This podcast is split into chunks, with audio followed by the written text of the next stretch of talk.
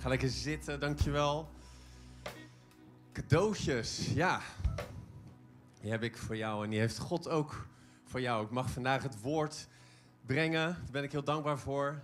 En we gaan het vandaag hebben over de gifts of the Spirit. De cadeautjes van de Heilige Geest. En ehm, ik weet niet hoe het met jou zit, maar heb je wel eens dit briefje, wat nu op het scherm komt, als het goed is, bij jou in de brus gehad? Daar staat achterop, staat er, sorry, we hebben u gemist.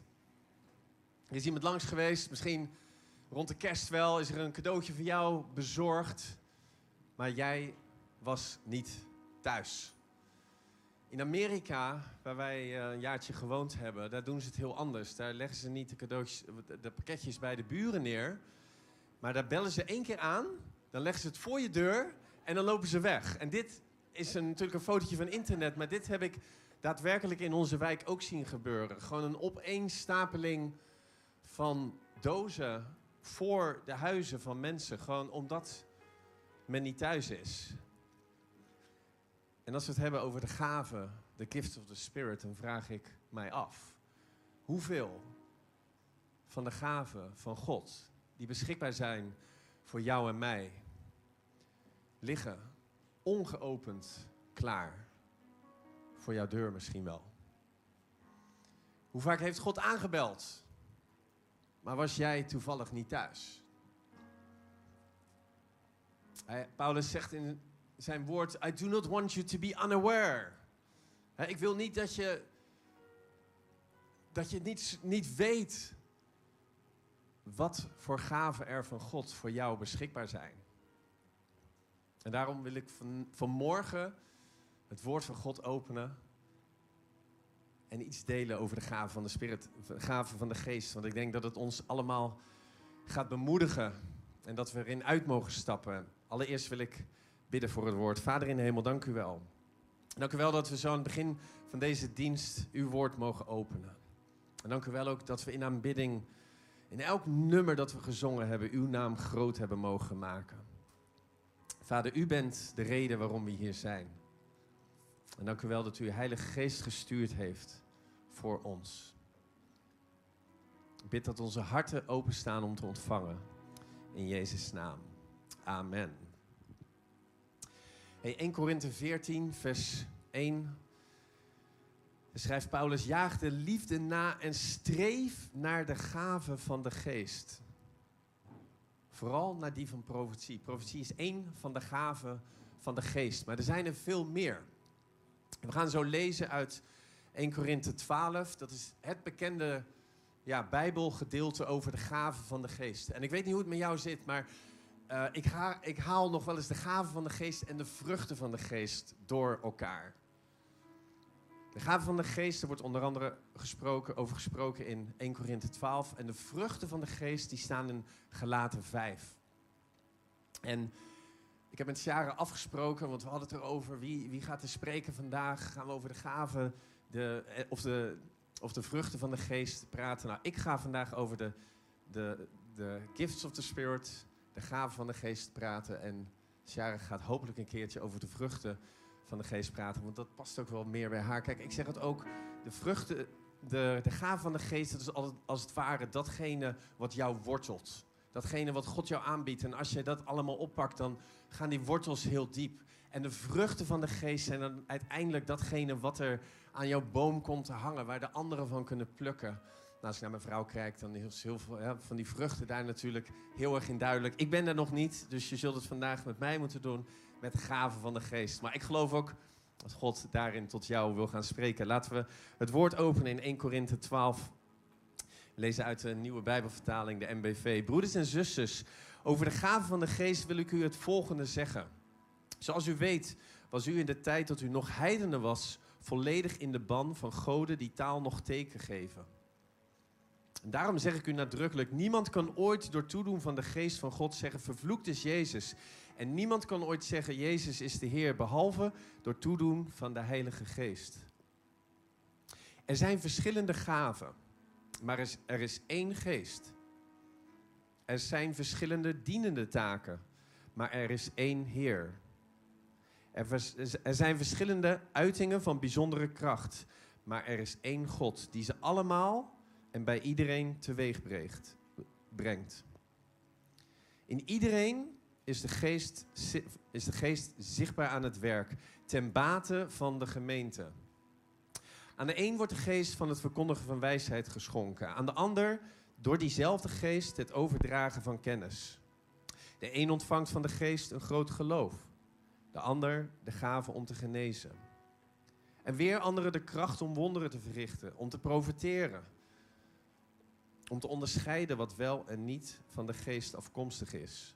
Om in klanktaal of tongentaal te spreken. Of om uit te leggen wat daar de betekenis van is.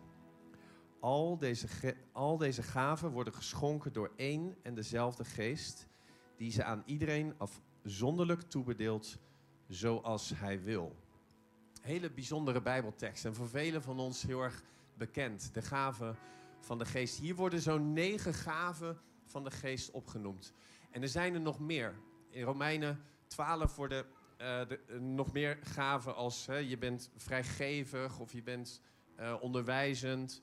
Ehm, in Efeze 5 worden de gaven van hè, bedieningen gedeeld. Dus evangelist, pastor, teacher en dergelijke. Het is niet zo dat de gaven van de geest beperkt zijn tot dit, tot dit deel in 1 Korinthe 12. Wat wel belangrijk is om te weten, en als we naar de context kijken, dat Paulus schrijft hier aan de gemeente in Korinthe. En Korinthe lag in Griekenland, een stad 50 kilometer vanaf Athene vandaan. En de Grieken, dat zul je misschien wel weten, die waren gewend, voordat ze tot bekering kwamen, om heel veel verschillende goden te aanbidden. Ze hadden eigenlijk een god voor alles. Ze hadden de hoofdgod, Zeus. Ze hadden God voor de liefde. Ze hadden God voor de zee, Poseidon. En voor alles, hè, als een zeeman dan de zee opging, dan bad hij tot de God van de zee, Poseidon. Als je heel goed was in de liefde, dan bad je misschien wel tot de God van de liefde. En Paulus zei hier, hey, luister eens even. Er is niet een God voor alles. Er is maar één God. Ja, er zijn verschillende gaven, maar er is één God. En er is één geest. Dat is wat hij hier elke keer weer duidelijk probeert te maken. Er is één God, maar er zijn verschillende gaven. En als we zo naar die negen gaven kijken, dan kunnen we ze eigenlijk onderverdelen in mooi, het is een mooi ezelsbrugje, maar eigenlijk groepjes van drie. Je hebt er allereerst een groep gaven die gaan over de onderscheidendheid, over woorden die je kan ontvangen van God. Allereerst een woord van kennis. Een woord van kennis is een woord van God. Waarbij hij iets openbaart aan jou over iemand anders of over een situatie wat jij menselijkerwijs niet kan weten. En we lezen hierover in de Bijbel. Als Jezus bij de waterput een Samaritaanse vrouw tegenkomt. En Jezus vraagt, wilt u me wat water geven? En dan zegt hij, ja, ik, heb, ik ben het levend water en dergelijke.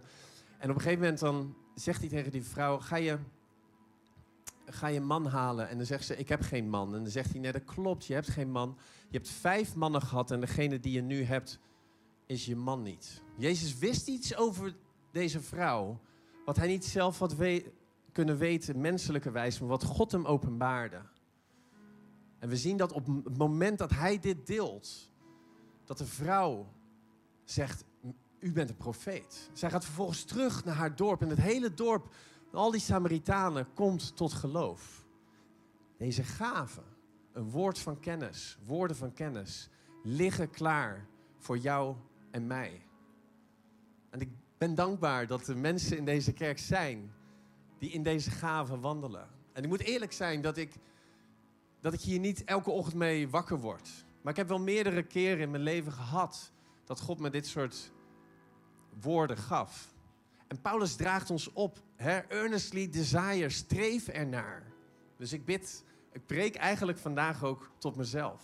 Ik weet nog het moment dat ik in Amerika was en dit heb ik misschien al vaker gedeeld, het voorbeeld dat ik, ik kwam uit de Bijbelschool, ik liep naar huis en toen voordat ik over een brug liep, toen kreeg ik een beeld van iemand waarbij zijn been helemaal ingepakt zat in zo'n zo'n brace. En dat was nog voordat ik zelfs maar op die brug was. En ik liep over die brug en er stond een man met zijn been helemaal ingepakt. En ik liep, ik liep langs hem heen. Ik wou eigenlijk, ik wist dat God me naar hem toe trok, maar ergens wou ik net, als in dat verhaal van die barmhartige Samaritaan, wou ik doorlopen. En toen was ik, liep ik langs hem en toen hoorde ik hem zo dat ding met de klittenband verstellen. En dat moment was het moment dat ik terugliep naar die man. En ik sprak hem aan en hij keek mij in de ogen en ik zag zoveel leed in zijn leven. Zoveel pijn. Maar ik zag ook leven. En ik, ik zei tegen die man, ik zie zoveel pijn en moeite en verdriet in jouw leven. Maar ik zie ook dat er leven is in, jou, in jouw ogen. Er is iets. En hij zegt, oh, really? I was just gonna jump from this bridge. Ik, zou, ik was net van plan om van deze brug te springen. En ik zeg, jij gaat niet van je brug springen. Want God, ik geloof dat God een woord voor jou heeft. En hij houdt van jou en heeft een plan voor jouw leven. En ik heb met die man kunnen bidden. Hij is niet van de brug gesprongen. Dit, lieve mensen, is een voorbeeld van een woord van kennis wat je krijgt van God. Van tevoren. Over iets of iemand. En dit is een gave van de geest die voor jou en mij klaar ligt. Een tweede gave van de geest is een woord van wijsheid. Is het intappen in Gods wijsheid op situaties waarin jij menselijke wijs gewoon niet weet wat je moet doen. Het is denk ik een hele voor de hand liggende, maar we staan altijd voor bepaalde keuzes. Of het nou is in ons werk of in ons gezin, in de kerk. God, wat moet ik doen in deze situatie? Wilt u mij helpen? Wilt u mij vullen met uw wijsheid om een bepaalde keuze te maken? Ik ben hier vandaag om jou te bemoedigen om in de keuzes die je maakt, om daar Gods gave van de geest, de geest van wijsheid, in te benaderen en in te vragen. Derde gave die beschreven, staat, is de onderscheidendheid van geesten. Dat is een hele belangrijke. God geeft ons de mogelijkheid om onderscheid te maken in de geestelijke wereld. En misschien klinkt dat helemaal uh, spooky voor jou of nieuw, maar het is heel duidelijk. Gods woord is heel duidelijk. Heel 1 Korinthe 12 gaat over de geest, de geest, de geest. God geeft ons de mogelijkheid om in elke situatie onderscheidendheid van geesten te hebben. En weet je, dit gaat zo vaak fout. Al deze gaven hier in 1 Korinthe 12 zijn ter bemoediging, ter opbouw van de kerk. Maar soms krijgen we een woord van God of een beeld van God over iemand anders. Misschien wel iets wat met iemand anders aan de, aan de hand is. Misschien wel ergens waar iemand anders door aangevallen wordt. En hoor ik wel eens mensen zeggen: Oh, deze heeft een geest van dit of dat.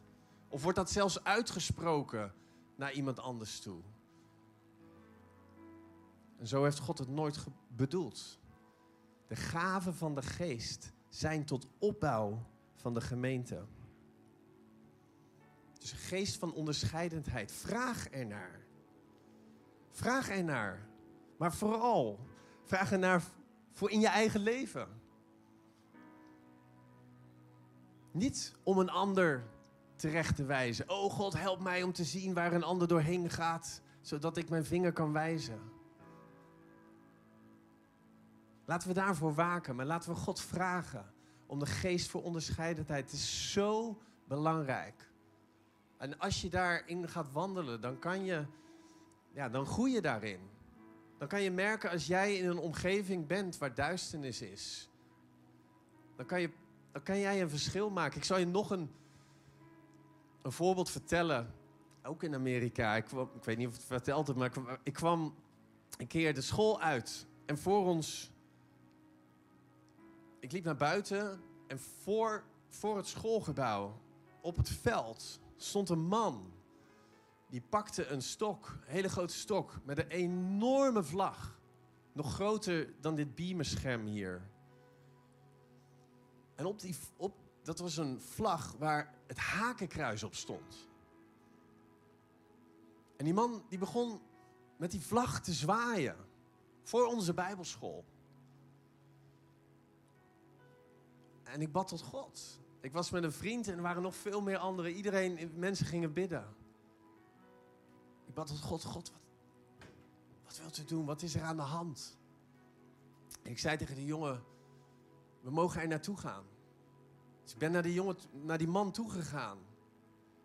En toen, die, toen wij daar aankwamen lopen, legde hij zijn vlag neer.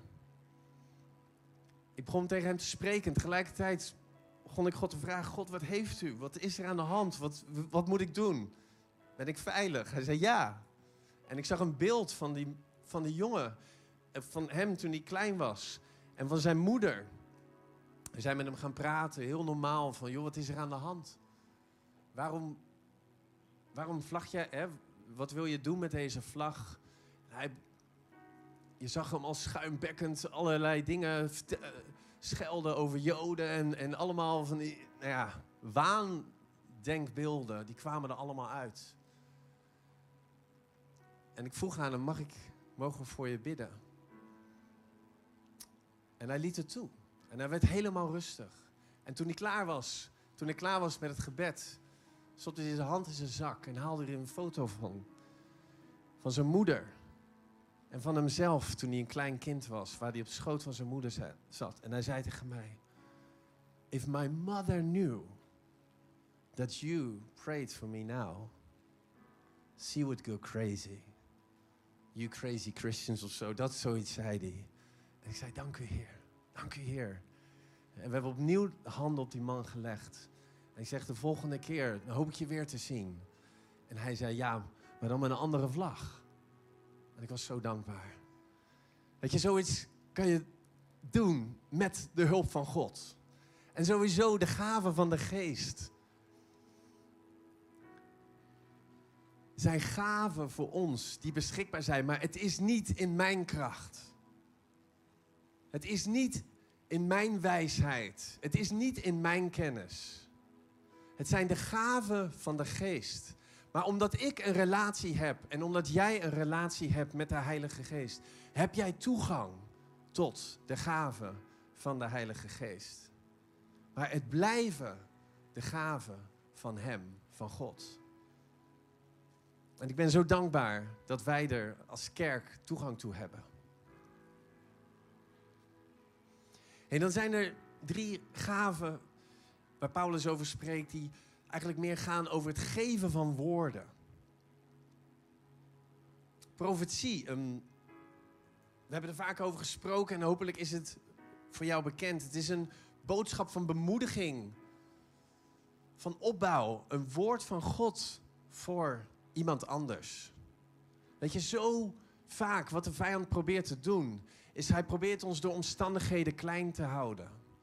Hij probeert ons door negatieve ervaringen, het zelfbeeld dat wij hebben, heel ver weg te houden van het beeld dat God van jou en mij heeft. En het is zo krachtig dat zelfs als iemand, als iemand nu in een situatie leeft, zelfs als iemand vastzit in een situatie, wat niet het plan van God voor die persoon is, dat jij aan God vraagt: God, hoe ziet u deze persoon? Wat is uw plan met deze jonge man, met deze jonge vrouw? En dat je die woorden die God jou geeft, uitspreekt over een leven. En dat is het tegenovergestelde dan van als we iemand zien zitten in een situatie waarvan we denken je zit vast in zonde. Om dan vervolgens te gaan oordelen en te gaan uitspreken. En ik wil je vanmorgen bemoedigen. Voordat jij je oordeel klaar hebt leggen over, liggen over iemand en dat uitspreekt, vraag God hoe Hij deze persoon ziet. En ik geloof en weet dat God jou beelden gaat geven en woorden voor de mensen in jouw leven. Een woord van profetie. Klanktaal. Wordt over gesproken. De mogelijkheid om in klanktaal te spreken. Of uit te leggen wat deze klanktaal betekent. Dat is tongentaal. Tongentaal, klanktaal is een geestelijke taal. En velen van ons spreken dat. Misschien ben je er nog niet aan gewend. We doen dat ook niet op een zondag. Paulus zegt dus in zijn woord, als je dat hier spreekt en het wordt niet uitgelegd, dan zouden mensen die net nieuw zijn er gewoon niks van snappen en denken van waar, waar zijn we hiermee bezig? Maar dat betekent niet dat wij als christenen niet in tongentaal mogen spreken. En misschien is het helemaal nieuw van je, voor jou. Heel goed dat je hier vanmorgen bent of dat je vanmorgen meeluistert. Het is een gave van de geest. Dus jij mag vandaag naar huis gaan en God vragen: God, wilt u mij de gave van tongentaal geven? En het interpreteren daarvan. Ik denk dat we dat eigenlijk als kerk nog veel te weinig doen. Ik denk dat we daar een beetje ja, terughoudend voor zijn. Er zijn zat meetings waarin we in tongentaal spreken, maar dat we het eigenlijk achterwege laten. Dus hier wil ik echt iedereen in bemoedigen om ook daarin uit te stappen en God te vragen naar die gaven. Weet je wat ik het mooie vind? Is, er wordt hier gesproken over de interpretatie, niet de vertaling. Dus als iemand tien minuten in tongen spreekt, bij wijze van spreken, dan hoef jij niet tien minuten lang te vertalen. Het kan zomaar zijn dat God, als jij vraagt, God, wat is u, wat spreekt u door deze heilige geestelijke taal heen? Dat jij het woord vrede krijgt of rust. En dat is de interpretatie van de, de, de, de geestelijke, de goddelijke taal waarmee jouw geest op dat moment communiceert met God. En nogmaals, als dit nieuw is voor jou, dan wil ik je echt bemoedigen. Misschien kom na de dienst even naar ons gebedsteam toe. We willen je echt helpen. We willen je leren en begeleiden in dat hele proces. Het zou zo zonde zijn dat dit soort ja, gaven, dit soort Ehm, elementen die God in zijn woord geeft. Dat omdat we het niet snappen, omdat het misschien het, hè, het bovennatuurlijke is, dat we het naast ons neerleggen. En er zijn er nog drie gaven. En ja, ik moet iets afronden. Ik zou eigenlijk over elk van de gaven wel een aparte preek kunnen geven. Maar de drie laatste gaven zijn, ik zou het eigenlijk een soort van de powergaven willen noemen. Daar waar we ons de kracht van God door ons heen kunnen laten werken. De gave om te genezen. De gave om wonderen te verrichten. En de gave voor de gift of faith, een groot geloof. En we zijn als kerk hier groeiende in. En ik ben zo dankbaar dat ik onderdeel ben van een kerk die gelooft in genezing. Elke week bidden wij voor genezing. Dat doet ons gebedsteam. Dat doen we als jullie de kaarten invullen. Dat doen we daar onderaan de trap als je langskomt. En we hebben keer op keer gezien wat God doet. Maar ik geloof dat er nog veel meer is. Ik geloof dat als al die pakketjes, al die, al die gaven die voor onze deur liggen, als we gaan starten, in elk geval met open doen. Het, het pakket in ontvangst nemen. Zeggen, dank u Heer dat u gekomen bent. Dank u dat u mij toegang geeft tot deze gaven. Wilt u het? Mag ik het? Samen met u uitpakken? Wilt u het onderdeel maken van mijn leven? God, ik heb nog nooit een wonder gezien.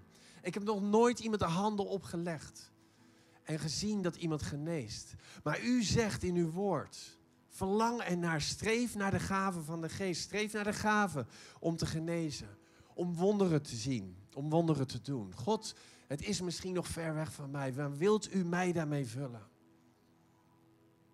Geloof dat als wij als kerk al deze pakketjes, al deze giften gaan openmaken, gaan unwrappen, dat er dan voor God niets onmogelijk is.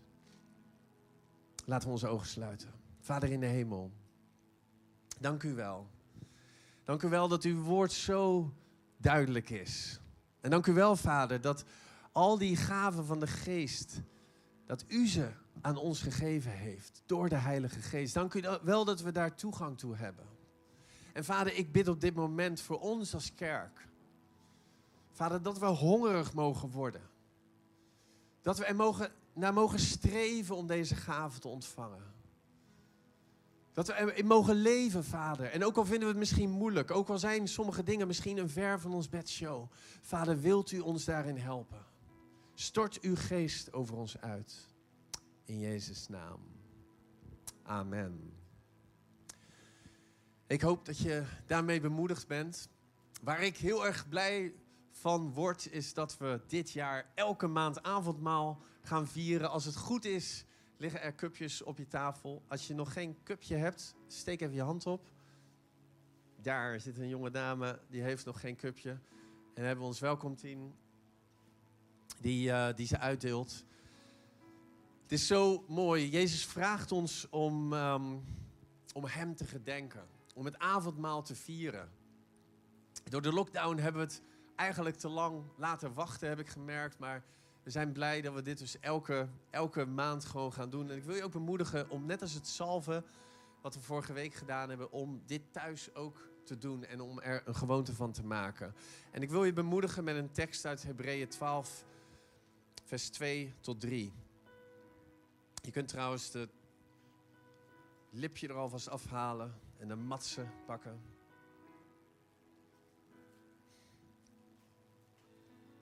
Want als we avondmaal nemen, dan gedenken we Jezus. Dan gedenken we zijn offer. Dan gedenken we dat Hij aan het kruis gegaan is voor ons. Hebreeën 12, vers 2 tot 3 staat het zo mooi. Laten we daarbij steeds blijven denken aan Jezus. Hij zorgde ervoor dat we gingen geloven. En Hij maakt ons geloof volmaakt. Hij is voor ons aan het kruis gestorven. Hij vond het niet erg dat hij op die manier vernederd werd. Want hij dacht aan de beloning die hij in de hemel zou krijgen. En hij, nu zit hij naast God, aan de rechterhand van Gods troon. Ja, blijf aan Jezus denken. Toen slechte mensen hem uitscholden, bleef hij volhouden. Ook jullie moeten volhouden en niet opgeven. Ik wil je vragen om te gaan staan.